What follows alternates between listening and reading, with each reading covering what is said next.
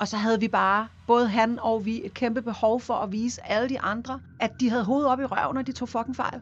At vi var den fedeste artist, man kunne få. Og den tror jeg egentlig, den følelse af at blive overset og undervurderet, den sidder stadigvæk lidt i kroppen på os. Den første single, Pau fik, er den samme som den første single, jeg fik min far til at købe til mig. Som er. Som er øh, Tarzan Boy. Bell Tomorrow. har fucking Italo for fuld plade. Velkommen til en ny podcast. Jeg har to gæster i studiet, en lady og en gentleman. Velkommen til Dine Raffen og Pau Lærmand. Tak skal du have. Tak. Så ved vi jo, at det handler om Infernal, som er aktuel med albumet Hormesis, og samtidig fejrer i 25 års jubilæum, og jeg har på fornemmelsen, at, at hvad hedder det, albumet Hormesis blev udsendt på øh, datoen for jeres allerførste single. Det er helt fuldstændig korrekt. Ja. Men nu er jeg jo ikke ekspert hverken i EDM, trance, dance, house, electronica som sådan. Jeg ved en del om disco, men jeg var faktisk en af de første overhovedet, der interviewede jer i sin tid på Bryggen, ude i bagerens studie, Ah, på Flex Records. Flex Records, Ja, ja, ja. hvor Ja. I var et blandt mange navne. Ja, Det det har været det. sammen med Cartoons og Tiki, og jeg kan faktisk godt huske det presseevent, tror jeg. Jeg ved ikke, om det var et presseevent. Jeg kan var huske, at det, der var sjovt, det var, at Alagami, han også var der, fordi han var med i Los Umbrellas. Og så når man sad og gennemlyttede folks tracks, så var han faktisk gæsteartist på stort set alle udgivelserne. Og jeg kan huske hans kommentar til det. A det- man's gotta live. Jeg kan huske, at, at, at, jeg, at jeg hilste på Jan Langhoff, salig Jan Langhoff, Ja. øh, som, som blandt andet er med på jeres første album, tror jeg. Jeg tror faktisk, det kan godt være, det er ham, der faktisk spiller guitar på La Moyante. Ja, det er det. Jeg sad og kiggede i Ja. Discogs i går, Ja. og det er det faktisk, ja. ja. Det er, det er måske det bedste eksempel, vi har på et nummer, der helt klart ikke skulle have været på pladen. og Al ære vi- respekt. Vi, Ja. vi elskede både øh, Hartmann og Langhoff. De var smadret dygtige. De har lavet nogle virkelig Og var i øvrigt smadret søde ved os altid. Præcis. Og øh, snaksalige og sådan noget. Øh, men, men lige det der, det var helt klart en demo, de havde lagt i skuffen. Og så kom Kenneth Bager og syntes, vores album skulle være færdigt, og det var ikke, altså hvad er det, vi nogle gange siger, det ja. skal ikke være godt, det skal være færdigt. Og det var helt klart den devise, der styrede. Jeg tror også, der, var Det noget, noget, der ligger nok også noget på vores bord i, at, at man kunne nok godt have eksekveret det bedre måske også, ikke? Ingen tvivl. Men det, det var i hvert fald, hvis man hører det i dag, så er det tokrummende. det, er det bare. står ikke så skarpt. Nej. Nej. På det tidspunkt var, var I tre. Ja. Hvor længe, hvor længe? Det var Søren Hård, var det ikke det? Jo, Jo, det Det er er ja. grunden til, at Infernal overhovedet blev til, fordi? Pau og jeg havde hovederne alt for langt op i vores undergrundsmås. Vi var meget optaget af Mm. alle mulige andre ting. Men grunden til, at det kommer omkring, det er fordi, at vi, han er DJ inde på øh, en klub, diskotek, der hedder Diskotek Ind, hvilket også er derfor, vi hedder Inferno. Han finder ud af, nå, med, med vores daværende band, at øh, hold kæft, det er fandme sjovt at have dem der på besøg. Vi havde jo også et, et lidt øh, opsigtsvækkende øh, sceneshow med, med piske og dildoer og alt muligt gøjl, fordi vi havde et nummer, der hed Hit Me in the Ass, så må man jo gøre det, når man optræder. Og, Og det synes jeg, kilt. Vi var unge og Nej, ikke Kild, det var før Kilden. Nå, Det var før det, der kommer ind i billedet her. Fordi så hyrer han os så mange gange, at, han, at vi bliver gode venner med ham. Og jeg har det faktisk sådan, det, det, det er der ikke mange, der ved, men jeg synes jo, Søren var en kæmpe kvejpande til at starte med, fordi at han formår med bandet før Bordeaux, som var det, han hyrede en hel del gange med lak og læder og alt det der, og spille den single, jeg havde ude på, det der, på bandet før det, på en forkert hastighed på, på den vinyl, han havde. Så han spillede den på 45, og den var på 33, du ved, og så bliver det bare lidt hæsblæsende. Så jeg synes bare, fuck en kvejpande af en DJ, mand. Han kan kraftedeme ikke finde ud af en skid, ham der. Og så hyrer han os også, at vil han gerne have os ind og spille på ind, og jeg tænker bare, ej nej, ham der gider kraftedeme ikke have noget med at gøre. Så kommer vi ind og spille, og så finder vi ud af, han er sgu egentlig meget festlig, han er meget sød. Og så lærer vi hinanden at kende, og så en eller anden dag siger han, prøv at høre, vi skal lave sådan nogle temaaftener. Kan I ikke lave noget med sækkepip?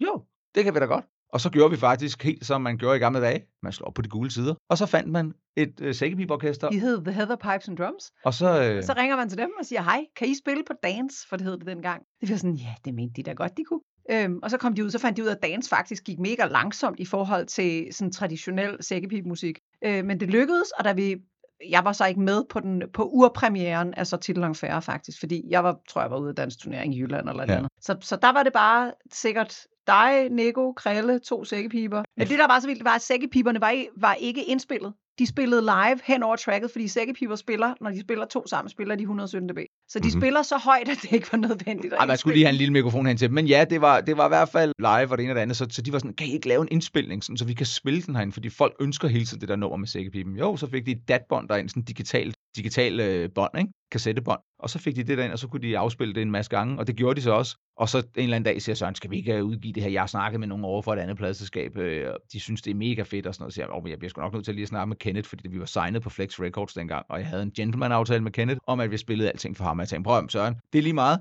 Vi kan sagtens spille det for Kenneth. Han kommer ikke til at synes, det er fedt. Der er pizzicato på og sådan noget, det hader han, det gider han ikke at høre på. Så spiller det så for Kenneth. Og så ville uh, skæbnen jo selvfølgelig det, han siger, hold kæft, Pau, nu falder brækkerne ind på plads. Det er det vildeste. Jeg fandme, nu rykker det kraftigt. Jeg siger, fuck, man, det var ikke det, der var meningen, han skulle sige. Og så blev vi så signet på Flex Records, ikke? Og så var Infernal sådan set i grov træk i gang. Og det synes Søren var rigtig fedt. Så han var med ja. i to, knap tre år. Og så da vi skulle til at lave plade to, så kunne han godt mærke, at nu går det jo langsomt. Og så skulle vi kæmpe lidt for det. Og det gad han ikke. På det tidspunkt havde han allerede startet en turproduktionsvirksomhed og købt busser. Og han havde travlt med at køre Peter Belli og alt muligt. Så han havde simpelthen ikke tid. Han var videre, og Pau og jeg ville gerne det der med musik. Jeg synes faktisk, at generelt er der alt for lidt sækkepip i min øh, podcast. så så jeg, sy- jeg synes, vi skal lytte til øh, Sortil Fair. Ah, det er sjovt.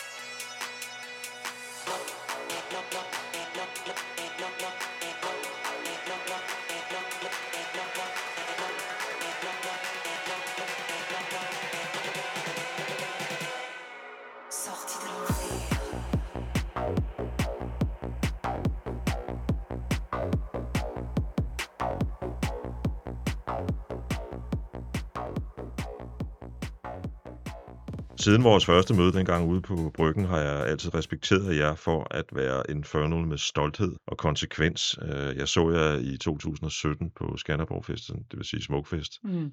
som blev, øh, jeg mener, det blev optaget, gjorde det ikke? Det blev livestreamet via DR. Ja. Øh, desværre ligger det ikke derude, hvilket irriterer mig, fordi det var et fucking godt show, vi fik strikket sammen der, og vi satte bare en rigtig, rigtig højt. Øhm, det ligger i stumper på YouTube. Nej, men det gør det faktisk ikke engang, fordi okay. folk tror, at det er to, der er en eller anden spasser, undskyld, der er en eller anden kæmpe klaphat, der har lagt vores 2008 DVD ja. og kalder den Smukfest 2017, og det irriterer mig grænseløst, fordi vi er cirka 40 procent øh, på den koncert i forhold til, hvad vi er i 2017. Det er grænsende til ringe i, på den der DVD, og vi er ret gode i 17. Så, så det, det er også sådan, mig. jeg husker det. Ja, så hvis jeg har hvidt tøj på, så er det noget fra 2008. Hvis jeg har rødt tøj på, så er det fra 2017. Så, så, fik, vi, så fik vi det på plads. Jamen, det er bare irriterende, når man nu har lavet noget, der er rigtig godt, og det så ikke er der, ikke? Og så folk, de siger, det her gamle lort, det er godt. Var det ikke? I har så eksisteret jo og været sammen omkring jeres musik og optrædener, ikke mindst også i 25 år. Er, er I de der, den der type, der har lovet hinanden evigt troskab og blandet med blod og sådan noget fra begyndelsen? mm. Det kan man ikke sige. Nej, det har vi sgu faktisk ikke. Altså, bandet har jo faktisk været gået, sådan, man kan sige, gået så en opløsning, eller i hvert fald været rigtig meget på pause i dvaletilstand af og til. Og, og, men det har vi bare aldrig skiltet med, fordi vi altid synes, altså der er jo bands, der har gjort det, øh, og Lina, som altid, Lina siger også altid, at man, vi kunne nok godt have tjent fint på, eller i hvert fald have lavet noget mønt på, og komme ud og sige, åh, oh, nu stopper vi, du ved ikke. Vi går Sidst, i opløsning. Sidste koncert, du ved, nu, to år senere, gud, vi gendanner det, nu er der gendannelseskoncert, og bla bla bla det føles enormt hul for os, det skal helst være ægte. Og så hellere lægge det i dvale, så hellere lade det være lidt, og så gå tilbage til det.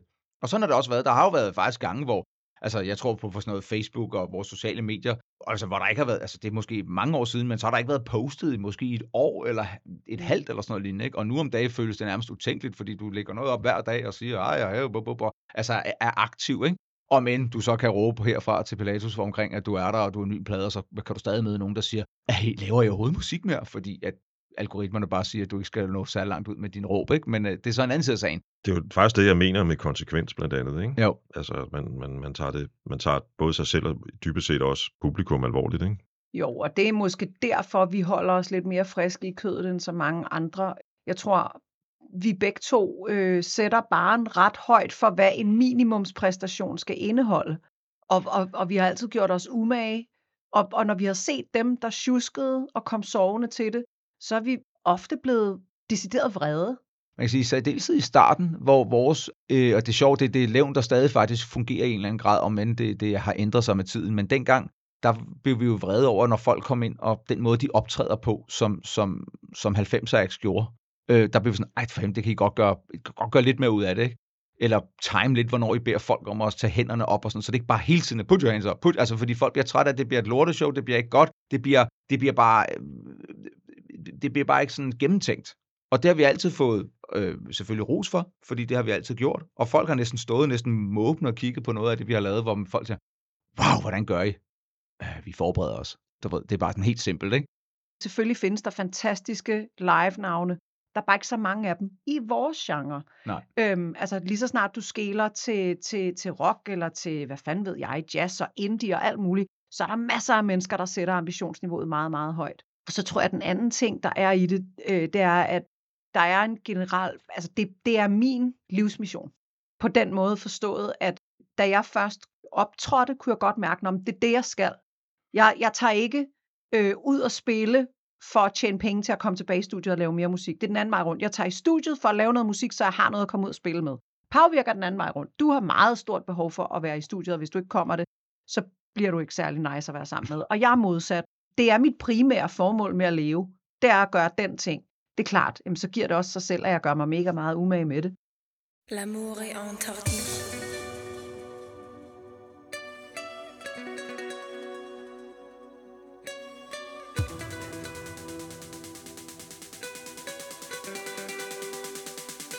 L'amour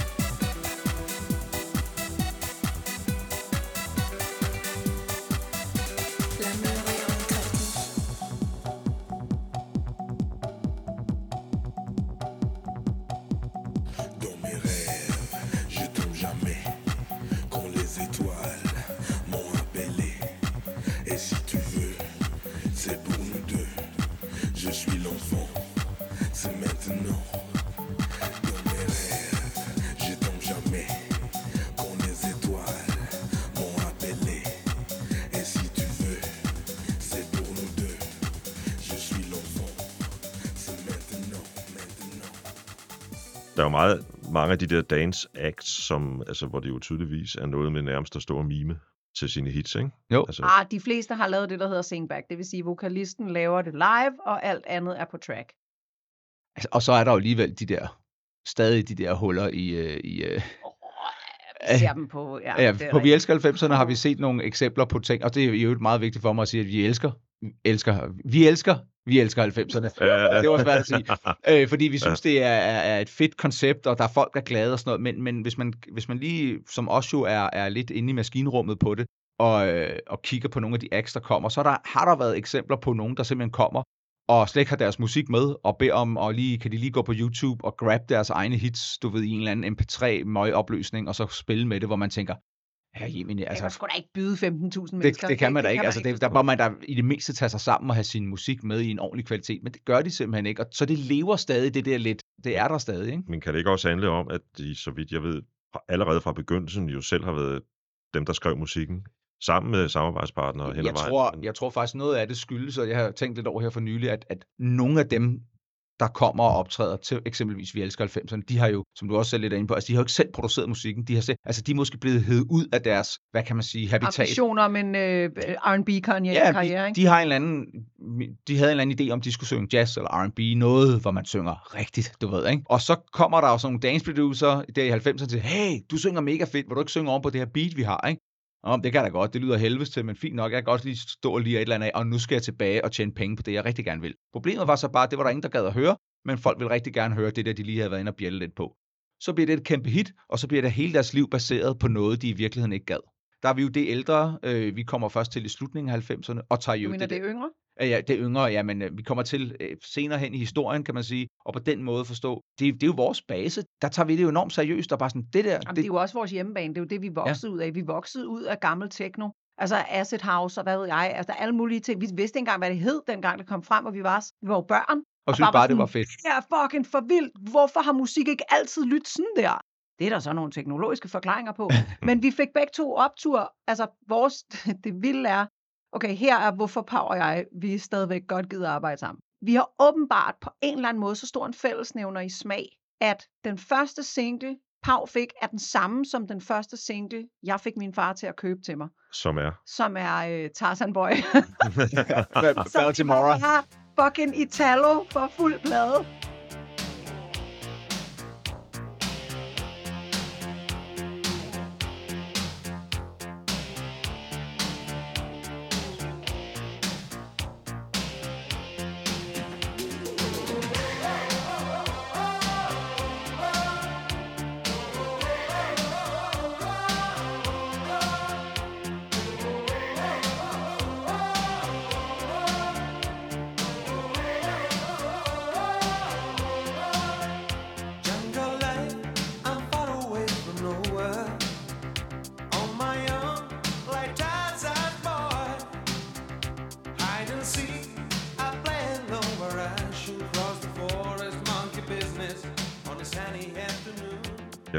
Faktisk rigtig godt lide, fordi jeg har lyttet rigtig meget til jeres musik nu. Og tak fordi, at øh, jeg fik mulighed for det. Øh, det andet album, som jeg tror har to titler, kan det passe? Ja, Mosaik og Ja. Waiting for Daylight ja i omvendt rækkefølge. der er inspiration og input fra etnisk musik. Ja. Der optræder en afrikansk sanger og en irakisk, tror jeg. Ja. Ja. Der er nogle instrumenter, som jeg slet ikke tør forsøge at udtale her. Der, er, der bliver også øh, Der er buka. Ja. der er og Og tabla, og surna, og sitar. Og så er der den øh, sas. ja, sas, ja. Jeg har lavet et lille medley af Turkish Bizarre og musik. Ah, fedt. Fedt. Der er meget, der bukker.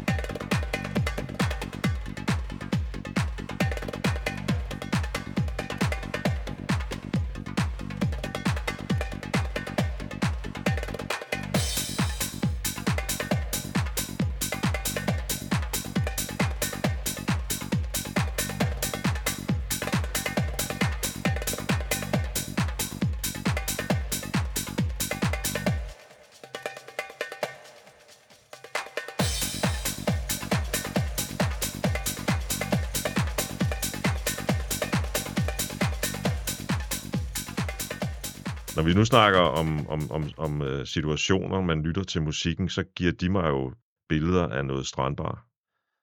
øh, jeg tror for os var det klub. Ja, Ja. det, det, var, det var nok Men det primære, ja. det siger nok også noget om, at jeg er en boomer og ikke kom så meget på klub i, i 90'erne. Jeg, Men vil, havde, en boomer, jeg går rimelig meget på klub. altså jeg ved ikke, om, om, om det sådan er lidt, lidt, øh, lidt, øh, sådan lidt uh, pos at, at, at bruge sådan et udtryk, men det virker som om, at ambitionsniveauet var hævet ret kraftigt på, øh, på det andet album. Var det det? Ja, det var det vel nok. Altså, jeg tror, at andet album var vel nok, øh, hvordan fanden skal jeg forklare det, det var nok mere det udgangspunkt, vi havde, når vi gerne ville lave musik i virkeligheden, frem for Infernal spæde og vi er jo havnet, altså det, det som jeg forklarede før, hvor jeg siger, at der er nogen, der ligesom er blevet taget ud og siger, hey, kan du ikke synge på det her track, og så starter de deres karriere på noget, de i virkeligheden slet ikke vil. Infernal har startet en lille bitte smule på samme måde, bortset fra, at vi er inden for den genre, vi godt kan lide, men vi er helt klart startet med nogle tracks, som slet ikke, det var lavet for sjov, og det var lavet til at tjene et helt andet formål. Det var lavet til at tjene et formål ved at underholde en aften. Det var lavet ved at være skulle være letbenet og skulle være til at forstå lige nu og her, og der var taget nogle lette virkemidler, og bummelum, så er det det. Og så kickstartede det så en lang karriere.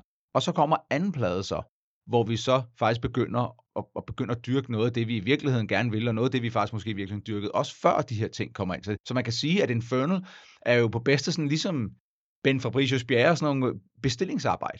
Kan ikke lave et nummer til den her aften med sækkepiber på, det skal bare virke. Jo, jamen, så lavede vi det. Bum, mm. og så gør vi det. Og vi gør det stadig den dag i dag i andre sammenhæng også. Men hvor Homesis er faktisk minder på nogle punkter lidt om Waiting for Daylight og musikpladerne i form af, at her der cater vi for os selv.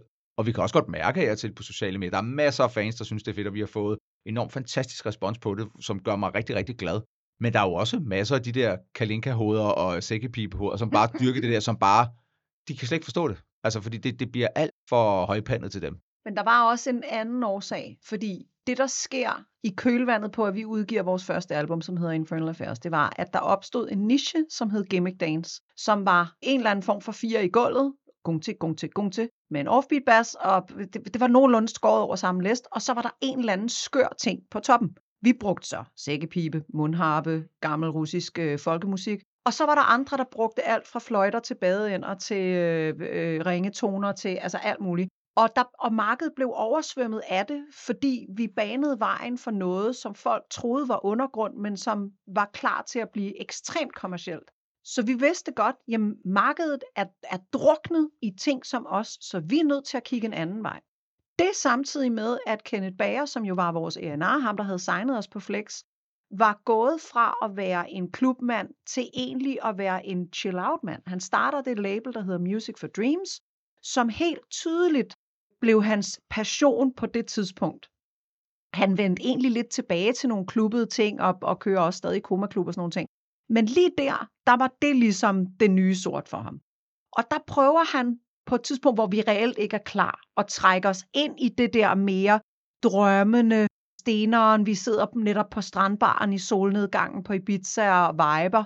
Det var ikke opfundet, det udtryk, vel? men, men det, det var basically det, det var. Det var det, man gjorde. Det var det, man Ja, gjorde, ja. og man, man vibede meget længere, for der var ikke nogen telefon, man skulle have op af lommen. Men, men uanset, trak Kenneth os i den retning, og vi ville nok egentlig stadigvæk gerne lave noget, der var effektivt på gulvet, og der, de verdener mødes Mm. rigtig meget på mosaik og øh, Turkish Bazaar og de der ting. Så energien, den der ild, der stadig var inde i os, kombineret med de der ellers sådan ret klassiske chill-out-elementer, det blev til det der, og det var helt klart en rodebutik, og det kunne have været rigtig godt, hvis vi havde været dygtigere. Det blev rigtig godt på det nye album. Det kommer vi tilbage til om Yes. øh, lidt.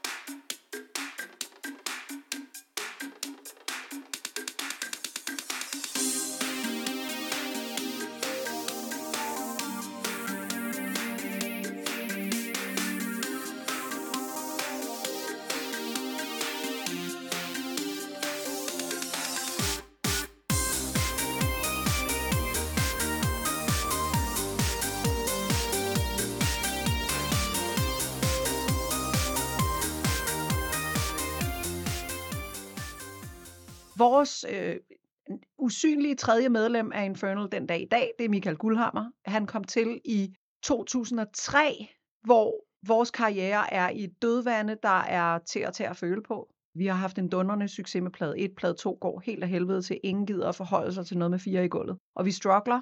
Så sidder vi med øh, stort set færdige øh, From Paris to Berlin albummet. Der ligger ret mange store hits på. Og vi er lige blevet fritstillet. Vi er blevet glemt af vores management og fritstillet fra pladselskabet, selvom de havde købt pladen. De havde taget deres option, de havde betalt os pengene, og de var stadig sådan, ja, I kan bare få jeres penge og jeres master, og så må I gøre, hvad I vil. Så meget ville det ikke. Så meget ville de det ikke. Præcis, det var med uden. Ja. Øhm, så Det var lidt jeg... dumt af dem, men det kommer vi tilbage til senere. Ja, men det var fremragende, fordi så møder jeg Guld nede på Gammel Kongevej. Jeg kender ham, fordi han har været turmanager for øh, mig, da jeg var backingsanger inden for en artist, der hedder Mira, helt tilbage i start midt 90'erne. Den kan jeg huske. Ja. Og det, I can hear your heartbeat.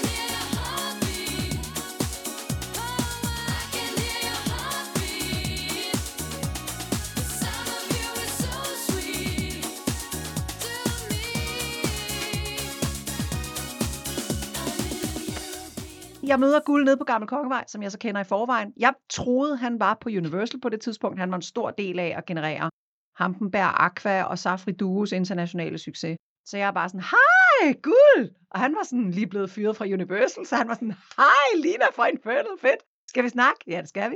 Og så tager han ligesom og, og sparker nyt og større liv i vores karriere, startende med Paris to Berlin, som kommer ud i Danmark i 2004, og så international succes i 5 og 6. Så han er stadigvæk med os den dag i dag.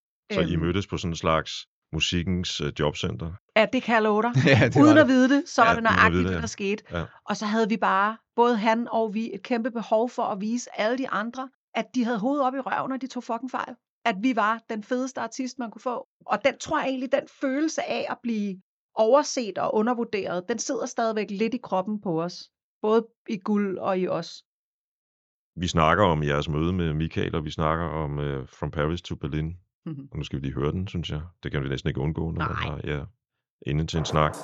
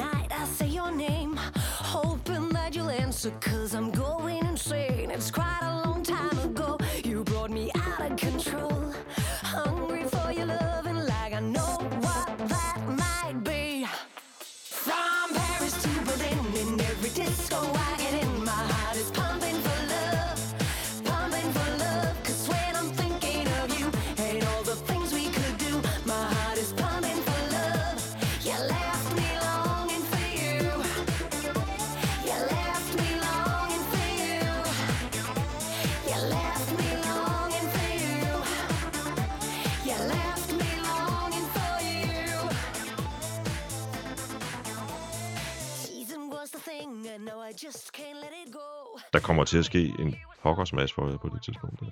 Ja, der, øh, der, der bliver sat øh, fart over feltet der. Nogle gange, ikke, så, når jeg ser den tid for mig, så ser jeg mig løbe i høje hæle med 200 i timen, med pav i hånden, sådan lidt, hvad er det, vi skal, Lina? Hvor er vi på Må- vej Måske hen? sådan i et halsterklæde, hvor Ja, ja, du prøver at ja, løbe det- efter. Jeg kan ikke følge med, og heller ikke trække vejret i øvrigt det var præcis som det var. Ja, fordi nu, du, nu, nu synes Lina, der skulle, øh, nu skulle der fandme øh, dampe under kedlerne, kan man sige. Altså, du, du skulle der ske noget, ikke?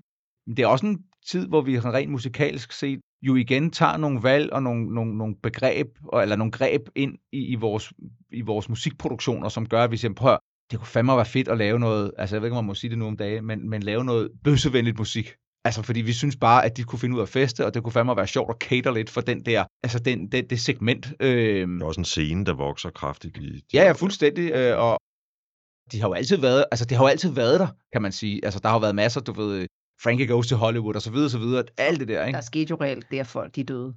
Ja, Altså, der ja, blev ja. tyndet gevaldigt ud. Ja. i, øh, Indtil, indtil cirka 2000, ikke? Jo, jo. præcis. Ja.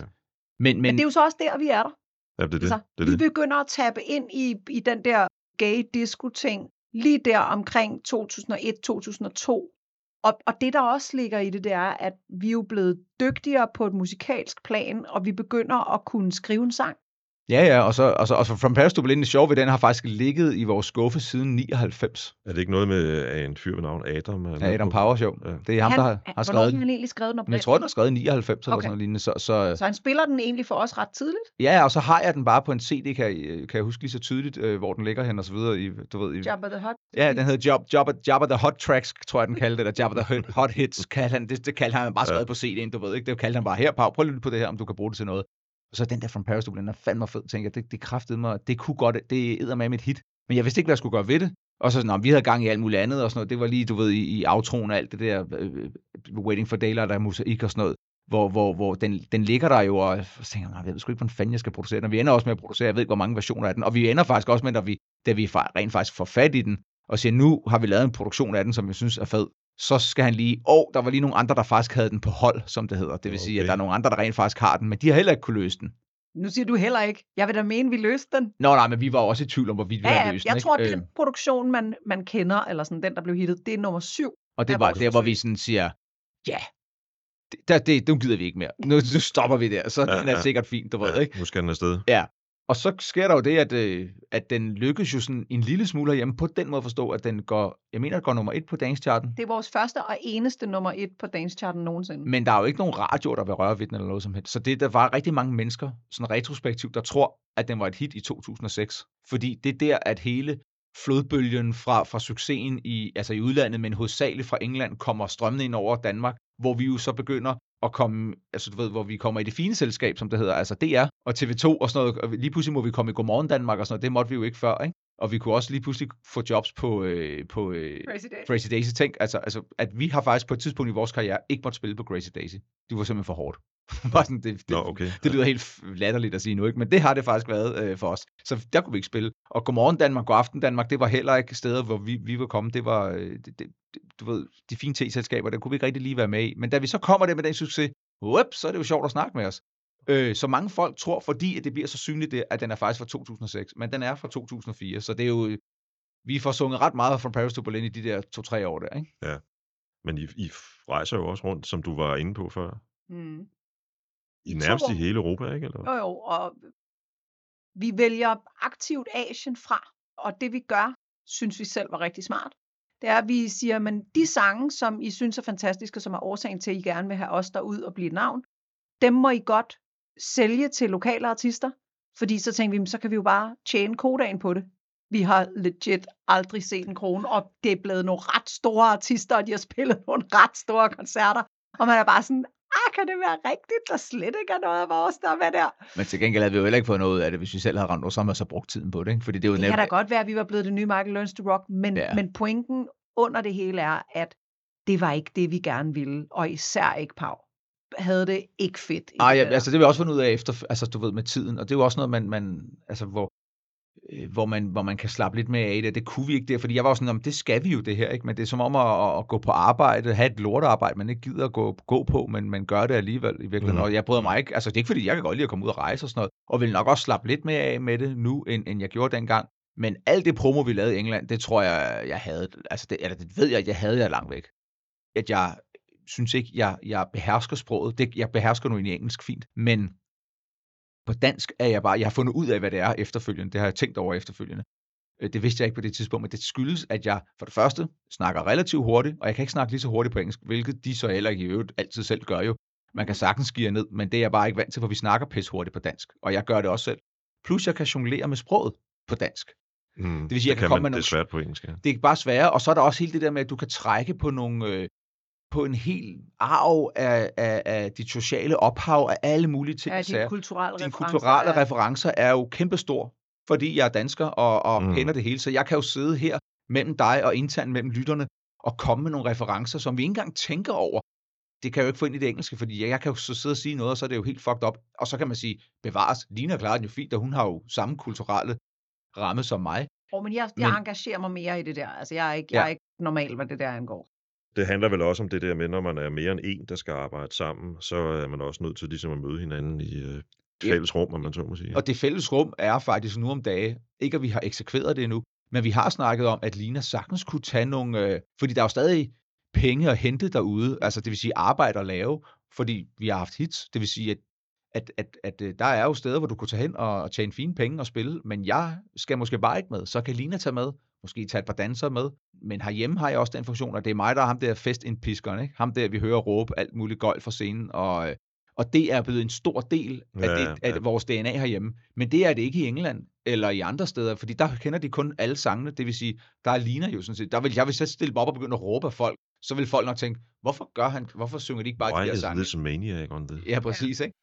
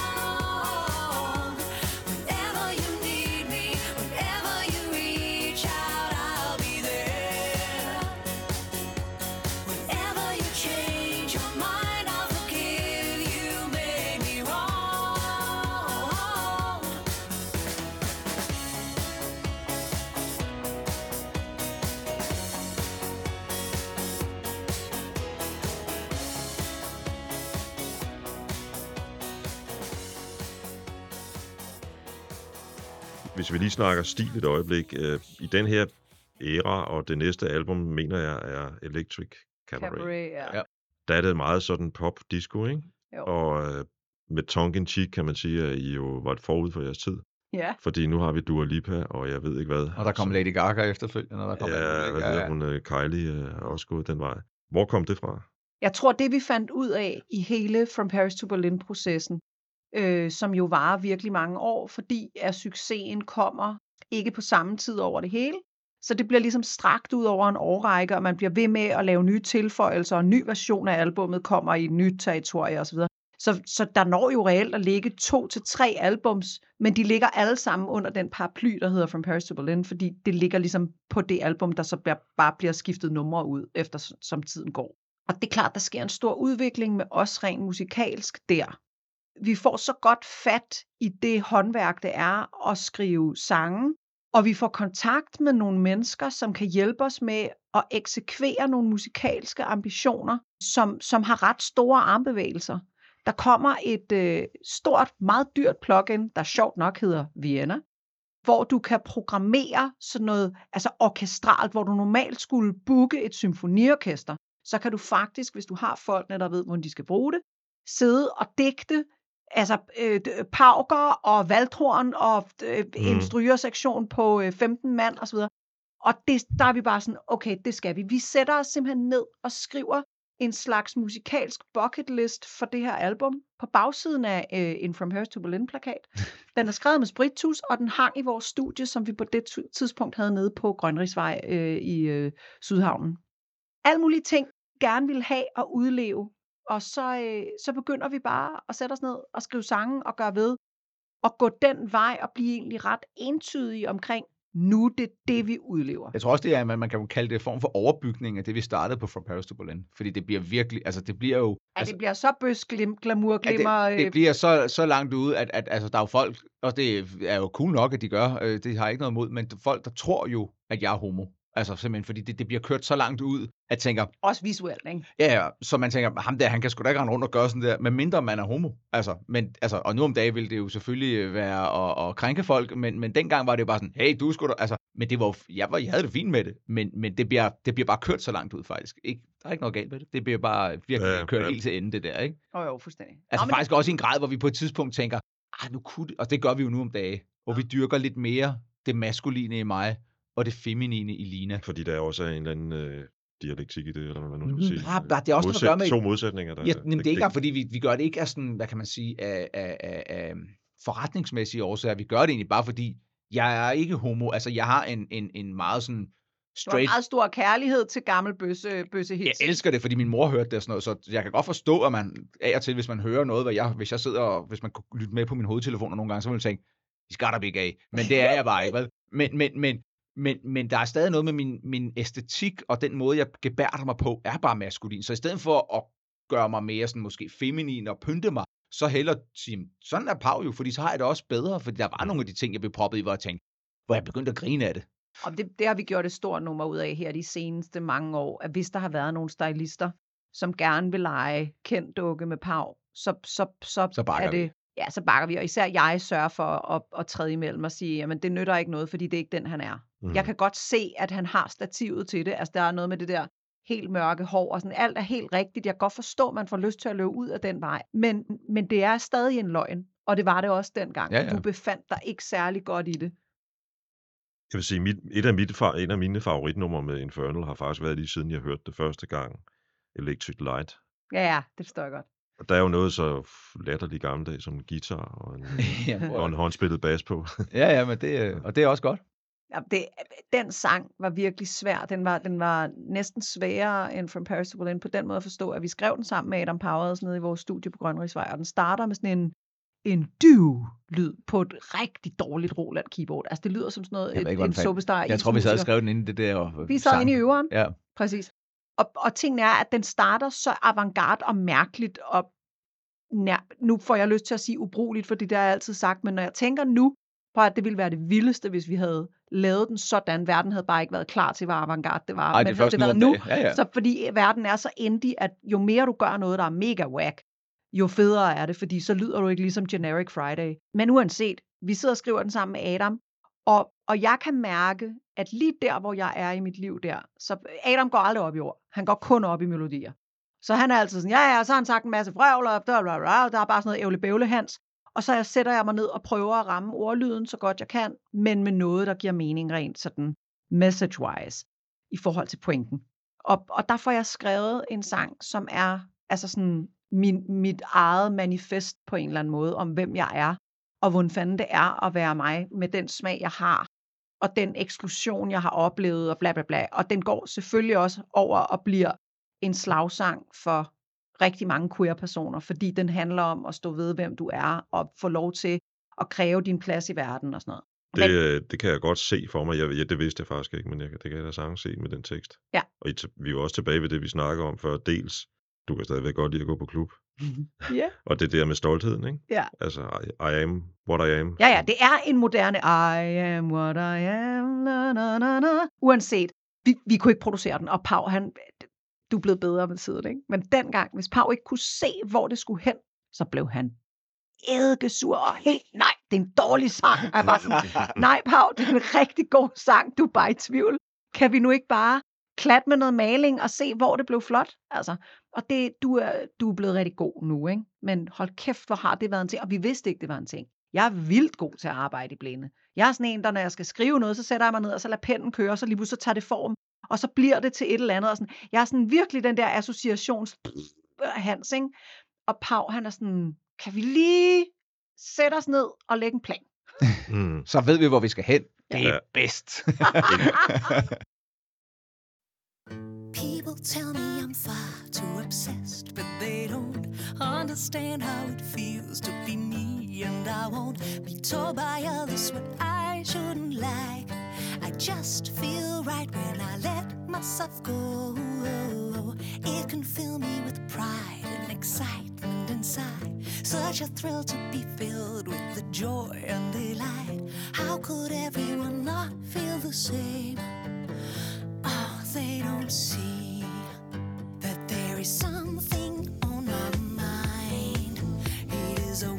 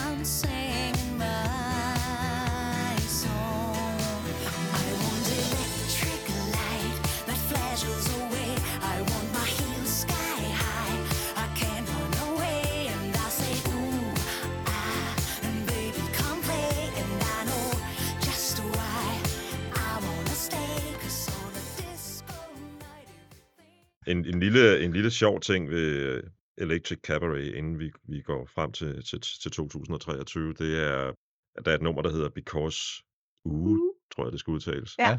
Som er skrevet af en N. Sebak og R. Sebak. Det er korrekt. Lige Det, øh, det er det. da R. Sebak var på vej ind til Fame and Fortune. Mm. Ja, det var faktisk lige før, de sådan bryder igennem, agtigt nogle år før, tror jeg, eller sådan noget lignende. Ja. Reelt har de jo ikke spillet en strofe på det. Nej, det er, hans, det er deres far jo. Jo, men det er jo ikke engang med. Nå nej, Det var det, blev, det blev klippet væk, det er rigtigt, Det, der er historien, det er, at de har lavet en lidt mere moderne produktion ud af noget af deres fars gamle. Det sender de rundt til en masse, det der hedder topliners, det vil sige sangskrivere, der skriver tekst og melodi, fordi der har, vi, der har været vist interesse internationalt for denne her instrumental. Og den ryger så til os og til alle mulige andre, og vi giver et bud, og det er Because U, og det er også derfor, den lyder så Kylie Minogue-agtig, fordi jeg er ret sikker på, at det var Kylie, Der, om hun så endte med overhovedet at tage den, Det, ved jeg ikke, det tror jeg ikke. det, det, nej, det tror jeg faktisk heller ikke. Men den, jeg tror, det var til hende og hendes hold, der var interesseret. Det er så ikke vores sang, der ender med at ligge på hold. Men, men vi var så glade for den sang, vi havde skrevet, Because U, den ville vi gerne have. Og der kan man roligt sige, at de ikke var nemme at forhandle med. Vi er gode venner den dag i dag med både Rasmus og Nikolaj, der er slet ikke noget. Men man skal ikke bide skære økonomisk med Nikolaj. Skal man bare ikke. Nej, nej, det, det gider Der jeg bliver kraftet med ikke givet ved dørene. Så de var bare sådan, yes, jamen, øh, og selvom der altså legit ikke er noget som helst tilbage af den produktion, de havde lavet på baggrund af deres fars gamle nummer. Inden der er ikke et keyboardstrejf, der er ikke et strygerstab, alt er nyt. De skulle da stadigvæk have deres bid af kagen, skulle de da? Ja, Og derfor står de også i skriverlinjen, selvom de reelt ikke har skrevet noget. Men, men jeg, nu kan jeg faktisk ikke huske, om, om, om I også er i det, du kalder skriverlinjen, eller om det kun er de to. Jo, jo, nej, nej, det er vi. Det er jeg. Ja, ja, ja. Så det er en, en deler, om man så må sige. Ja, jeg kan ikke huske, hvad fordelingen blev, men øh, vi var i hvert fald lidt mugne, kan jeg huske. Ja, det, men, det, ja, men vi, vi er super... Altså, jeg har mødt Nikolaj mange gange siden, og var faktisk til fest med ham her i foråret og sådan noget. Og det, alt er fint, og Ja, vi ja, er hygger os og har det sjovt sammen og sådan noget. Ja, Men lige der, der havde vi helt klart, for mig, jeg tror, han synes heller ikke, vi var fede, og vi synes også, ah, det er lidt tungt det der, ikke? Men altså, hey, det, vi kom videre, og, øh, men derfor står de simpelthen på. Inden vi begynder at tale om Hormesis, synes jeg, vi skal lytte til On Your Own. Det er en dejlig sang.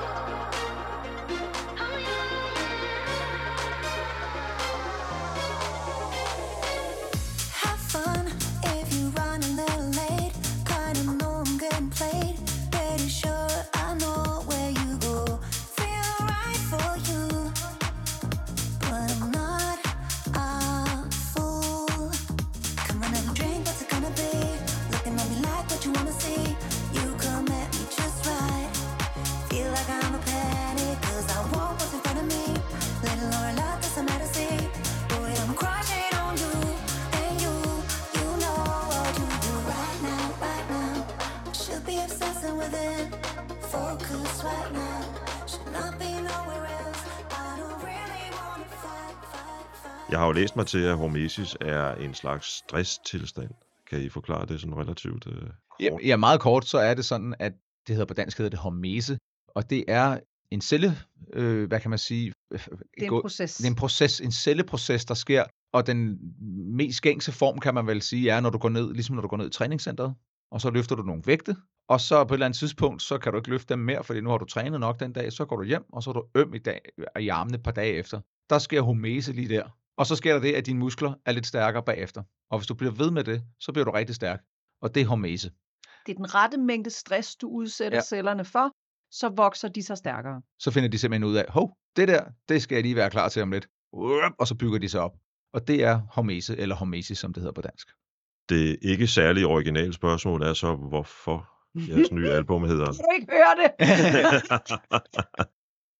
Det er jo fordi, vi synes jo, at, øh, at, at, at det er det, der er sket med os. At vi, er, øh, vi har været nede i træningscenteret, og så har vi bygget os op stærkere. Vi er blevet stærkere med årene. Nok med, at jeg synes, det er en genial titel. Rigtig, rigtig god og sigende titel, som er, passer enormt godt til både os og albummet, og det hele, det hele hænger enormt fedt sammen. Så er det også et fedt talking point, øh, fordi folk fatter det ikke, og som vi også var inde på, før vi startede optagen her, så øh, med, med, med meget, meget få greb i det der ord, så kan det også blive til horemis, og så det er der jo også nogen, der har stadig det til.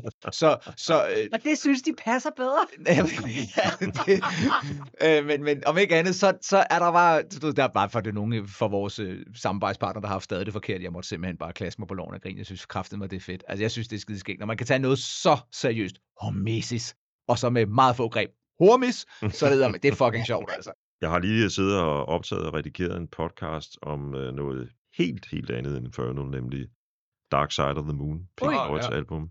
Men alligevel er der vel en, en, øh, en tråd til, til, til det, som det album er, nemlig et konceptalbum, fordi Præcis. Hormesis er jo også et konceptalbum. Ikke? Ja. Det må man sige, det i høj grad er. Det var ikke nødvendigvis vores plan til at begynde med. Vi begyndte bare at have helt ufattelig meget musik liggende, og især vidste vi godt, at det vi egentlig holdt mest af, det var det, man i gamle dage ville have kaldt albumtracks.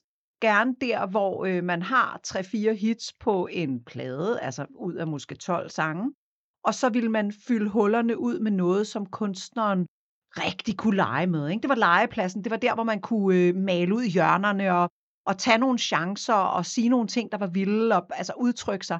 Men vi opgav at lave albums tilbage i øh, ja, 2011-12 stykker, kunne vi godt mærke, at nu er streaming kommet. Hvorfor skulle vi?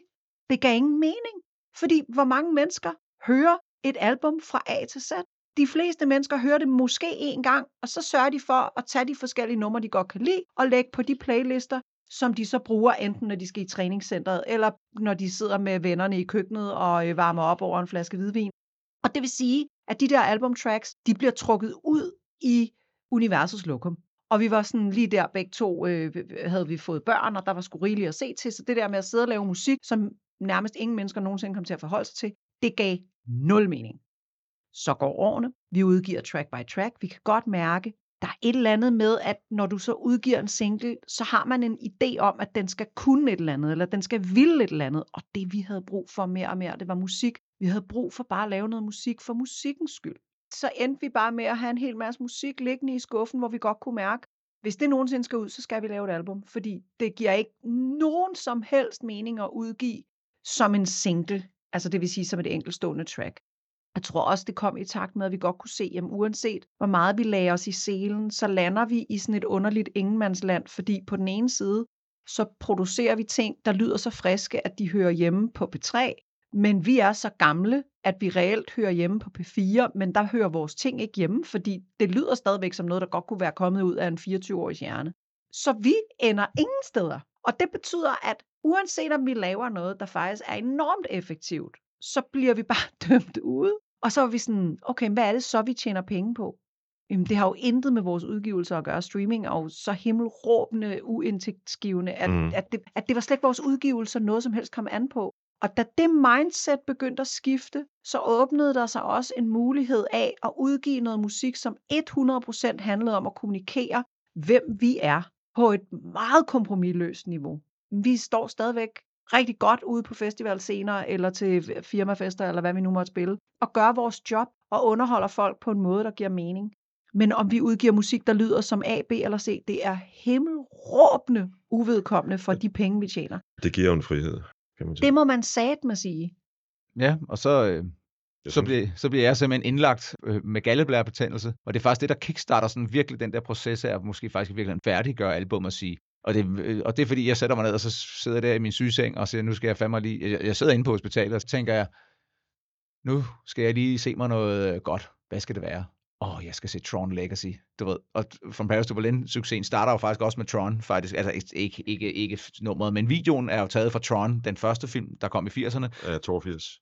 Netop. Og, øh, og, og så Legacy, så, den havde jeg jo set et par gange før, og så tænkte jeg, "Ej, den skal jeg sgu se. Og så sad jeg med, Fremragende stykke film. og så sad jeg der og med headphones på og så den, og får jo hele den der både visuelle, men også gode lydoplevelse, og tænker, hell no. Nu skal vi krafte, nu har jeg lyst til at lave noget som det der, du ved, noget, der har den der filmiske tilgang til det, cinematiske tone over sig og sådan noget, og så hjem fra sygesengen, og så laver vi... for... Og så... så røg Alberg, og så var der plads til noget ny musik. Øh, og, så, øh, og så hjem og lave det, og det er faktisk det, der bliver turning point for mig, hvor, hvor, hvor, vi, hvor jeg selv kan mærke, og Line også, prøv, det, det, kan der, det kan vi sagtens bruge på album, det der, som er sådan en intro, og så tænker jeg, fedt, det er det, vi gør. Og så er det faktisk introen til albumet, der er enormt cinematisk. Ja, Og det så- må man sige, ja. Og så kickstarter vi det jo simpelthen Og derfra. coveret også. I, I ligner Avatar 3 eller et eller andet. Jamen, Fedt. øh, vi, vi fik også brugt, øh, jeg, jeg, jeg, jeg tror faktisk godt, jeg kan lægge hovedet på bloggen på, at det er 2022's dyreste cover, du sidder og, kigger på der. Så Okay. Det er et filmsæt, der er blevet bygget Til at Øh. tage et billede. til at tage et billede. Hold da kæft. Der er, der er intet af det, du ser på det billede, der er øhm, Computergenereret. computergenereret. Alt er lavet i virkeligheden, og står der i virkeligheden, mens vi er der. det, hvis man går på Infernals YouTube, så kan man også finde hele den der åbningsvideo, hvor vi bliver bragt tilbage til livet. Og så vi, der er jo en lille film. Mm, Og hele mm. historien bag er, at vi er i album-kryostasesøvn.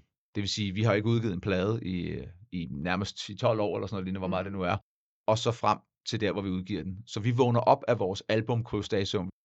Og så hele det, det er ligesom track 2, der hedder Awakening, som er der, hvor den der mother eller AI siger alle mulige ting, der bringer os tilbage til livet, og så går låget ligesom op på de der cry- cryopods. Man kan se hele videoen, og det giver rigtig god mening, og man kan, du ved, det ligger på pladen. Jeg kunne godt tænke mig at spille det nummer, der hedder Prayer 25. Yay! Yay.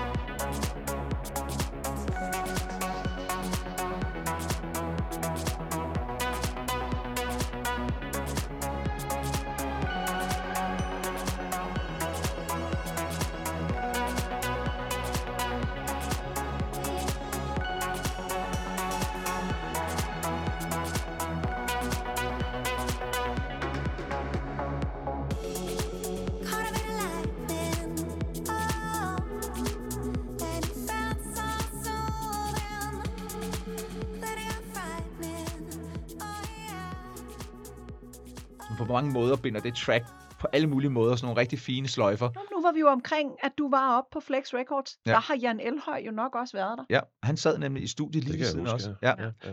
Og der har han jo siddet ved tilblivelsen af det første album.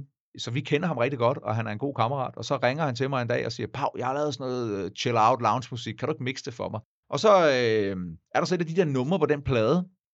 Og tænker, åh, oh, det er fandme fedt det der. De der akkorder, det er præcis de samme akkorder, som der blev brugt i noget gammel trance-musik, som Lina og jeg hørte, før vi danner Infernal, da vi sad hjemme på mit gamle øh, barneværelse og hørte noget trance på min gamle højtaler. Og der var noget, der hed, øh, hvad hedder det, det hed øh, God's Groove. Nej, jo, Jo, hvad hed God's Groove. Det hed bandet, og så havde de de her numre, der hed Prayer 1, Prayer 2, Mm. Prayer 3, 4, 5, og så jeg tror, de kom op til 10 eller sådan noget lignende. Vi var rigtig glade for 5'eren eller 6'eren, tror jeg det var. Det er de samme akkorder som der, og så tænker jeg, åh, det kunne Det være er fedt. Prayer 7, det lyder Nå, det er 7, men ja, det er rigtigt, ja, undskyld. Og så øh, synes jeg, åh, det er fandme fedt, det kunne være fedt at bruge, så jeg tager det i en, øh, siger, Lina, kunne det ikke være sovt? Ja, det kunne være cool og sådan. Jeg tager det i en helt anden retning. Han går meget hurtigere, jeg trækker ned i tempo, vi gør alt muligt og bliver inspireret af nogle andre ting, sætter det sammen, og så siger jeg, Lina, kunne det ikke være fedt, hvis det hed Prayer 25? Fordi det er vores bøn, vores 25-års bøn. Ja, ja. Fordi det så også samtidig er med de akkorder fra da vi startede, så det binder sammen. Og det er Jan Elhøj fra da vi starter, som er sammen. Det, så der er enormt mange fine sløjfer i det ja, nummer. Satan, ja. Jeg, jeg kunne faktisk godt tænke mig lige at holde fast i det, du siger der, fordi jeg, jeg har jo læst en 3-4 meget positive anmeldelser af det her album, Ja. Mm. øh, hvilket jo kun er rart for jer. ja, det er en første gang, tror jeg. Jeg, jeg turde jo ikke spørge, med, men øh, de anmeldelser, jeg har læst i hvert fald, de hæfter jo så lidt ved, at det her virker som Infernal på vej et andet sted hen. Mm. Og jeg synes, og det kan jeg godt forstå, fordi det er det også, men jeg har netop bemærket det, som du er inde på der. Det jeg synes jeg også, der er nogle sløjfer tilbage til noget af det, I har lavet tidligere. Og der er jo faktisk også et nummer, hvor to, de der to gutter, der var med i Bordeaux, også medvirker, ikke? Jo, det er rigtigt. Nikolaj Willum Jensen og Christian Poulsen. Ja, Det er jo også en eller anden form for tråd tilbage til... Jamen, vi har jo simpelthen bare hævet og flået i alle vores referenceparametre, hvis man kan sige det sådan, eller for vores, fra vores referencehylde. Noget af historiefortællingen er jo også blandt andet de to. Og der har altid hængt en lille hook fra et nummer, som, jeg kan ikke huske, hvem der har skrevet det i sin tid. Det er sikkert Nikolaj, der har gået ind og jammet et eller andet inde i, øh, Det inde i kosteskabet, som vi brugte i sin tid. Det var bogstaveligt talt et kosteskab, hvor vi Det var, havde den, det var dengang, I boede i den lidt billige ende af... Nej, det var ikke engang, for. Njal- det var ikke engang Njalskade, det var før Njalskade. Det var ude i Vandløs, hvor, vi, hvor, hvor, øh, hvor jeg og Krille og Nikolaj kommer fra. Øh, nede i Krilles kælder, der, eller Christians kælder, i, i hans forældres hus, der havde vi et lille rum. Og der, Du kalder det et rum. Det var et skab. ja, skabet, det, var- ja, hans rum var et værelse jo, og så var der inde der, var der et lille bitte skab, og der sang vi simpelthen ting og sager ind. Der var en mikrofon inde, som vi havde revet af et VHS-kamera. Og det var det eneste mikrofon, vi, kunne, vi havde ikke råd til at købe en rigtig mikrofon, så vi flåede bare et kamera, en mikrofon af et kamera, og så brugte vi den. Der har han stået og sunget det der over et eller andet nummer, vi har lavet en gang for lang tid siden, men det har altid hængt ved os, den der da, da, da, da, da, da, da, da, da, da. og den er så også et callback til Born Sleepy med uh, Underworld, så der er også en referenceramme der.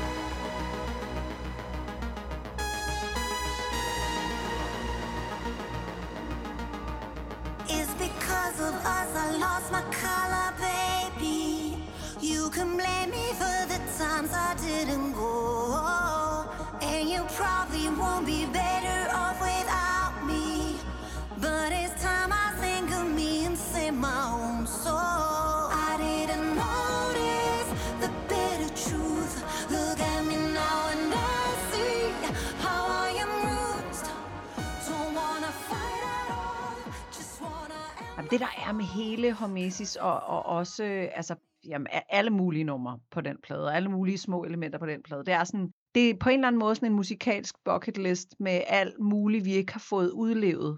Og, og blandt andet sådan et riff, eller sådan en, en hook, der har hængt og, og plaget os, fordi vi synes, den var god, men den har aldrig fået et hjem. Altså, der er rigtig mange ting, der har fået et hjem på Hormesis, som, som har været sådan noget, der har været inde i os, og altså, hvor mange gange vi ikke har siddet på vej hjem i turbussen og snakket om, hvor kunne det være fedt at lave et nummer, der var lidt den energi som det der, eller som det der, altså du ved, alt fra, fra Pro- Prodigy til Chemical Brothers. Chemical Brothers og Underworld, altså ting, der egentlig var store, før vi selv kommer i gang. Altså, da vi startede, og så hørte man Prodigy, og så prøvede man selv at lave noget Prodigy, fordi de synes man var fedt, så var du jo milevidt fra, det lød kummerligt, og det lød øh, ynkeligt, og det lød alt muligt latterligt. Og så hænger det stadig i en. Så det der med at få lov til at sige, ha, nu fik jeg gjort det. Du ved, flueben, flueben, flueben, men samtidig også kunne pakke det ind i en, en, en historik. Der er jo mange af vores fans, der også er fans af et band fra Tyskland, der hedder Scooter. Jeg vil jo våge den påstand, at de har lavet more or less det samme album i 20-30 år eller sådan noget. Mm, mm. Øh, det har de selvfølgelig ikke. Men, men, men der er rigtig meget. Man kan virkelig godt høre, at de bliver inden for feltet. Og det kan deres fans godt lide. Jeg er bare ikke sådan. Jeg vil jo mene, det var da spændende at følge et band, der spræller lidt og udvikler sig. Hvordan med teksterne, Lina? At, at, at, at du også et nyt sted i din tekstskrivning, end, end du har været tidligere? Ja, men det ligger, altså i virkeligheden så lavede vi det sidste album, vi lavede inden Hormesis, som hedder øh, Fall from Grace. Der havde vi været ude og være i berøring med forskellige songwriters af forskellig kvalitet, men var der en ting, jeg havde lært, så var det noget om tilgangen til det at skrive tekster. Og jeg føler egentlig, at jeg var ret skarp der. Resten af albummet på alle mulige andre parametre er røv og nøgler. Det indrømmer jeg blankt. Men, men lige det der med tekster og, og måske skabe et koncept eller en enkelt metafor, blive inden for det og være kreativ med altså at arbejde rundt om en enkelt lille sætning og skrive ud fra det, alle mulige ting. Det, det begyndte jeg at få fat på der. Det jeg til gengæld manglede, især i min eksekvering af de tekster, det var ikke at lyde for pompøs, for øh, skoleengelsk, for overkorrekt, for overspillet. Og det, jeg, jeg kan faktisk ikke holde ud og høre de ting, jeg har sunget fra den gang, fordi det, det, det er karikeret. Og, og det var vi ikke selv klar over, eller vi kunne i hvert fald ikke, vi kunne ikke styre det i en anden retning. Så min tekstforfatning er blevet øh, et parløb med at udtrykke mig på en mere troværdig måde. Altså så man kan mærke, at det er et menneske, og ikke en musical skuespiller, der leverer det her. Ja, ud af den der musical. Ja, væk fra musical Ja. og hen til et menneske. Ja. Det menneske, jeg er. Men det, der, der gennemsyrer stort set hele pladen, det er, at det ikke fortællinger om min oplevelse af at være til i verden. Der er ikke, det er jo, der tror der er to kærlighedssange eller sådan noget. Men generelt er det fortællinger om det at være os, det at være infernal, hvad vi har været igennem, øh, vores øh, arbejdsmoral, der er en enkelt fortælling, hvor jeg egentlig taler med, med Pavs stemme, altså hvor jeg mere fortæller hans historie, det er øh, det- Forward is a Mood, Nå ja, ja. hvor, hvor jeg altså sådan beskriver Pavs værelse, hvor vi jo sidder og starter med at lave musik, og Pavs mor sidder inde ved siden af. Og så i sidste vers, som kommer helt til slut, der taler jeg om Kenneth. Hvad skal man sige? Kreativ syn. Han har givet os den der konstante nysgerrighed. Øhm, og det er også derfor, det hedder Forward is a Mood, fordi det er det, han har lært os.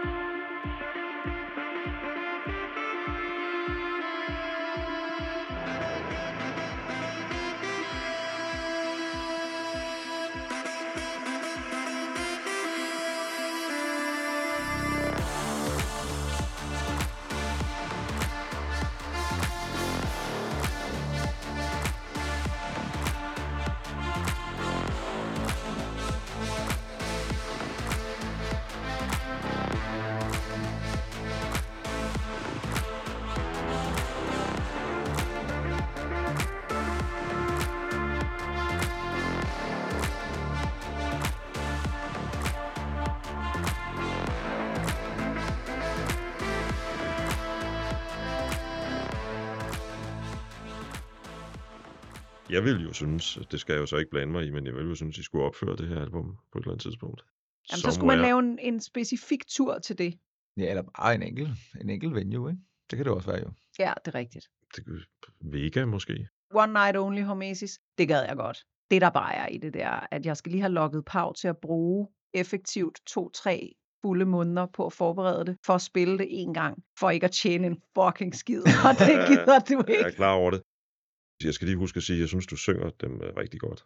Altså, jeg synes måske også, at jeg hører dig synge lidt anderledes end, øh, Meget anderledes. end tidligere. Lidt Jeg tror, mere at vi har også fundet en måde at gøre ting, altså bare, jeg ved, jeg ved ikke, hvordan fanden jeg skal forklare det, men, men, men det, det lyder som om, vi har søgt efter noget, men jeg tror, vi har faktisk misforstået hinanden, lige og jeg, igennem tiden. Altså både måde, vi har omtalt sådan, Det må man gør sige. lige sådan, gør, altså så vi, vi har simpelthen misforstået. Konceptet nasalt, ikke? Ja, ja, det har vi for eksempel, vi har misforstået hinanden. Det lyder helt, ja, undskyld mit franske, fucked up. Øh, Fordi, hvordan fanden kan vi to, som faktisk snakker enormt meget sammen og kommunikerer fint, og der, men simpelthen bruge fucking hvad? 15 år! Ej, men mere, mere, altså 20 år af vores liv, på ikke at have forstået nogle basale ting mellem hinanden. Det er fandme da latterligt, altså. Jeg tror, det er ret human. Altså, ja, men det er jo bare, når det alligevel er en spidskompetence, jeg kan forstå, hvis jeg ikke vidste, hvordan Lina ordner sine planter ude i haven eller andet, for det er måske ikke lige det, vi snakker mest om, men at sangen er jo trods alt noget, der har været et relativt stort omdrejningspunkt igennem vores liv, altså, ikke? man skal ikke underkende snak hen over hækken om planter. Nej, nej, nej. Øh, men, øh, men, Men- men det har i hvert fald taget os noget tid at få komme frem til noget, som gør, at, at, at vi måske, og så plus også bare noget tid og nogle selvopfattelser og alt muligt, der gør, at, som Line også var inde på før, det der med, at det var musicalen og så karikeret, hvor vi ikke selv kunne høre, at det var karikeret, hvor vi bare sådan, jeg vil ud og, og, gøre tingene på en eller anden måde, som bare gjorde, at jeg godt kan forstå, at der har været i særdeleshed nogle kritikere, der har stået og tænkt, wow, hvad fuck er de gang i dem der? Mm, og der er slet ingen tvivl om, at vi på rigtig mange måder har, har forandret selve vores udgangspunkt for vores tilgang til alting. I mit arbejde blandt andet med X-Factor, der fandt jeg jo ud af, hvad kilden til, hvad man som lytter modtager som power, det er. Og det har intet med volumen eller styrke at gøre. Og det var det power, jeg troede. Vi troede, at det handlede om, at jeg skulle synge igennem, så ville man få en følelse af, at jeg var enormt engageret og investeret i det, jeg sang. Hvor det handler faktisk i meget høj grad om nogle helt andre ting. Nærmest for mig... skrue ned. Ja, for mig handler det som regel om at skrue mest muligt ned og blive hjemme.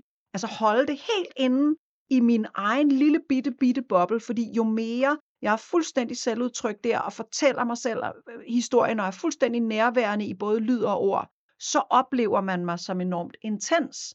Og intensitet giver lytteren en oplevelse af, at jeg er 100% Og så er det så et investeret. spørgsmål om derfra jo så at mixe det rigtigt, og læ- altså, så det står øhm, øh, klart i nummeret, og så kan man tænke, fordi for folk derude lytter jo kun til musik, der er mixet, så det giver jo ikke mening. Men når man, øh, for dem nødvendigvis, men når man hører et nummer umixet, altså du kan tage de største hits i verden, og hvis du bare sætter faderne i 0, kan du ikke høre det hit. Og her var det blandt andet sådan, at det var som om, at den der power også skulle komme netop fra sangen. Øh, vi var meget sådan teateragtige tilgang til det nærmest, ikke? Ja, førhen. før, uden, uden en forstærkning. Så det er ligesom helt gamle dage, hvor du skulle råbe den bagerste øh, hvad hedder det, række op, mm. sådan helt akustisk. Sådan, sådan betragtede vi nærmest alting, hvad vi gjorde. Den måde, som du synger på her, og i det hele, hele den musikalske setup på pladen, har jo fået mig til at tænke på, om I nogensinde har overvejet at gå solo. Dig som, som øh, solist, ligesom Stine Bremsen for eksempel. Eller... Om du tænker mig som sangerinde, det skal du holde op med. øh, Jeg er i meget uha. høj grad producer sammen med Pau, og jeg ved godt, jeg kan slet ikke det teknisk, han kan, men jeg, jeg, jeg tænker mig selv som en fuldstændig undværlig brik i den musikalske sammenhæng, i hvert fald min stemme. Fuck, om jeg lægger vokal eller ej. For mig er det musikken, der er vigtig. Dit, din stemme er, er, et Det er bare noget- som nogen andre. Ja, som vi nogle gange også. tager i brug, og nogle gange gør vi Ja, ikke. ja, ja. Alinas udgangspunkt er jo faktisk ikke at være sangerinde. Altså, altså det er jo ikke Slet, det det er ikke. jo danser jo. Og, Danser, danser oprindeligt. Ja. Ja, og, og, og derfor har en kærlighed til rytmeproduktionen, at udtrykket er rigtigt, for hvis udtrykket er fedt i et nummer, jamen så kan du danse til det. Ja. Så er det skide ligegyldigt, om der er sang eller ikke er sang på. Så sangen er jo et, var jo et nødvendigt onde. Det var jo fordi, at vi, altså det starter jo faktisk med, at vi laver vores første single, så til Long Fair, og så er vi sådan lidt, hvordan fuck skal vi bygge videre på det? Nå, vi må sætte noget sang på, fordi så er det ikke det samme, så er det ikke bare et sækkepip nummer igen. Så har vi også lavet en sang på, og så så kan der synges lidt med. Det er nok meget godt. Lina, prøv, kan du synge det der simple, hey, hey, hey, hey, et eller andet, du ved. Ja, ja okay. okay. det kan vi godt lide. Og så derfra begynder det at tage form, og så bliver det så rent faktisk, for Lina er jo så en sportspige, så jo så netop med, med, med From Paris to Berlin og sådan noget, begynder at sige, du ved, nå, så kunne det jo være meget sejt, hvis man også kunne synge lidt bedre, og en lidt større sang, og en lidt, du ved, længere sang, altså du ved, hvor der også er et vers, og, en, og du ved, bla, bla, bla, så det er ikke bare sådan en lille ting. Nå, men så må jeg, og så tager Lina jo fat, så tager hun jo sportsskoene på, og så går hun fandme i krig med at træne, fordi så er det hendes mål nu.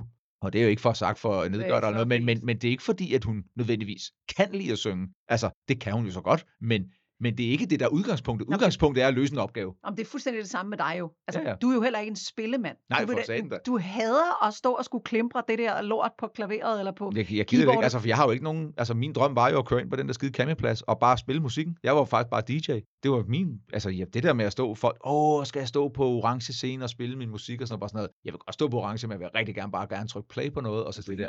Og så bare Mm. se folk hoppe rundt, så skal jeg nok Det er dirigere folk derfra, ikke? Men, men, men man kan sige, derfor kunne man jo godt gå solo og sådan noget, så det... Jamen, Du havde jo faktisk lidt gang i noget med Allan Wegenfeldt og ham der, hed han Anders? Anders Seiberg, ja. Ja, og I havde gang i noget fedt drengerøvs-vibes der. Ja, ja. Og jeg havde også på et tidspunkt, da Pau virkelig slet ikke var med mig på at lave en artsy plade, som kunne være et helt album, bla bla, tænkte, okay, skal jeg lave noget artsy, mærkeligt noget? Og jeg var faktisk ude med, med øh, nogle andre mennesker og skrive, og det var ikke mig selv, der sagde solo, det var Clara Sofie faktisk, der sagde, Lina, du skal sgu da lave en soloplade. Jeg var sådan, nej, nej, nej, nej. Og jeg kunne godt mærke ind i, jo, jo, jo, jo. Mm. Mm. Nu blev Hormesis så så meget tæt på, hvad jeg ellers ville have gjort med Mm, en mm. eventuel soloplade, fordi jeg jeg ville gerne lave nogle ting, hvor man ikke gjorde det åbenlyse. Det jeg sagde, da jeg skulle ud og skrive med Clara, det var, prøv at høre, vi skal bare, hver gang vi føler i en normal popsang, vil man gøre det her, så skal vi gøre noget andet. Fordi jeg trænger til at brække det der lort fuldstændig i stykker. På en lidt mere sådan fredsomlig måde vil jeg sige farvel til jer to. Øh, Tusind tak, fordi I gad kigge forbi mit studie for at tale om jeres historie og jeres nye album. Jamen, Tak, det var en fornøjelse. Tak.